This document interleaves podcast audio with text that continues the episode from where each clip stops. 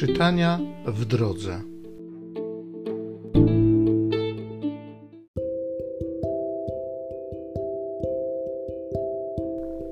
Z księgi proroka Amosa. Słuchajcie tego wy, którzy gnębicie ubogiego, a bezrobotnego pozostawiacie bez pracy, którzy mówicie, kiedyż minie nów księżyca, byśmy mogli sprzedawać zboże i kiedy szabat, byśmy mogli otworzyć spichlerz, a będziemy zmniejszać efę, powiększać cykl i wagę podstępnie fałszować. Będziemy kupować biednego za srebro, a ubogiego za parę sandałów i plewy pszeniczne będziemy sprzedawać. Poprzysiągł Pan na dumę Jakuba. Nie zapomnę nigdy wszystkich ich uczynków.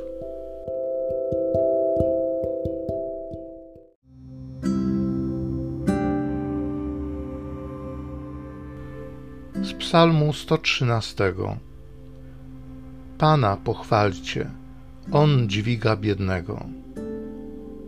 Chwalcie słudzy pańscy, chwalcie imię Pana. Niech imię Pana będzie błogosławione, teraz i na wieki. Pan jest wywyższony ponad wszystkie ludy, ponad niebiosa sięga Jego chwała. Kto jest jak nasz Pan Bóg, który mieszka w górze i w dół spogląda na niebo i na ziemię?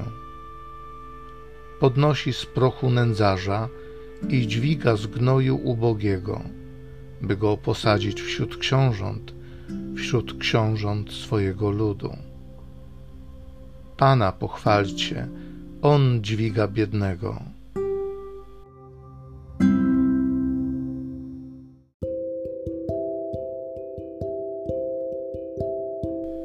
Z pierwszego listu świętego Pawła apostoła do Tymoteusza. Polecam przede wszystkim, by prośby, modlitwy, wspólne błagania, dziękczynienia odprawiane były za wszystkich ludzi, za królów i za wszystkich sprawujących władzę, abyśmy mogli prowadzić życie ciche i spokojne, z całą pobożnością i godnością. Jest to bowiem dobre i miłe w oczach Zbawiciela naszego, Boga, który pragnie, by wszyscy ludzie zostali zbawieni i doszli do poznania prawdy. Albowiem jeden jest Bóg, jeden też pośrednik między Bogiem a ludźmi, człowiek, Chrystus Jezus, który wydał siebie samego na okup za wszystkich, jako świadectwo w oznaczonym czasie.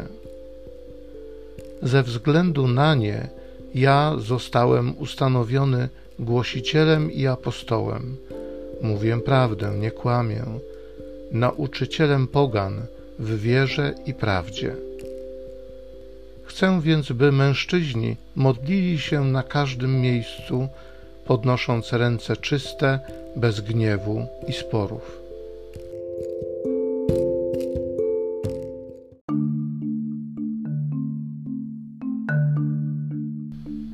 Jezus Chrystus, będąc bogatym, dla was stał się ubogim, aby was ubóstwem swoim ubogacić.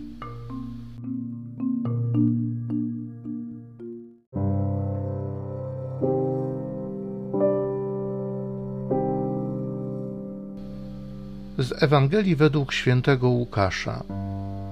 Jezus powiedział do uczniów: Pewien bogaty człowiek miał rządcę, którego oskarżono przed nim, że trwoni jego majątek. Przywołał więc go do siebie i rzekł mu: Cóż to słyszę o tobie? Zdaj sprawę z twego zarządzania, bo już nie będziesz mógł zarządzać. Na to rządca rzekł sam do siebie: Co ja pocznę, skoro mój pan odbiera mi zarządzanie?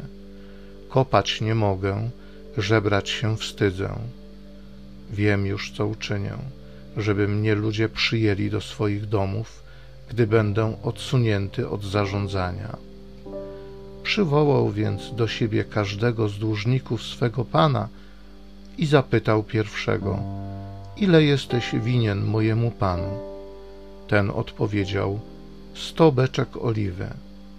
On mu rzekł: Weź swoje zobowiązanie, siadaj prędko i napisz pięćdziesiąt. Następnie pytał drugiego: A ty ile jesteś winien? Ten odrzekł: Sto korców pszenicy. Mówi mu: Weź swoje zobowiązanie i napisz osiemdziesiąt. Pan pochwalił nieuczciwego rządcę, że roztropnie postąpił, bo synowie tego świata roztropniejsi są w stosunkach z podobnymi sobie ludźmi niż synowie światłości. Ja też wam powiadam, pozyskujcie sobie przyjaciół niegodziwą mamoną, aby gdy wszystko się skończy, przyjęto was do wiecznych przybytków. Kto w bardzo małej sprawie jest wierny, ten i w wielkiej będzie wierny. A kto w bardzo małej sprawie jest nieuczciwy, ten i w wielkiej nieuczciwy będzie. Jeśli więc w zarządzaniu niegodziwą mamoną nie okazaliście się wierni, to kto wam prawdziwe dobro powierzy? Jeśli w zarządzaniu cudzym dobrem nie okazaliście się wierni, to któż wam da wasze? Żaden sługa nie może dwom panom służyć, gdyż albo jednego będzie nienawidził, a drugiego miłował, albo z tamtym będzie trzymał, a tym wskardzi. Nie możecie służyć Bogu i mamonie.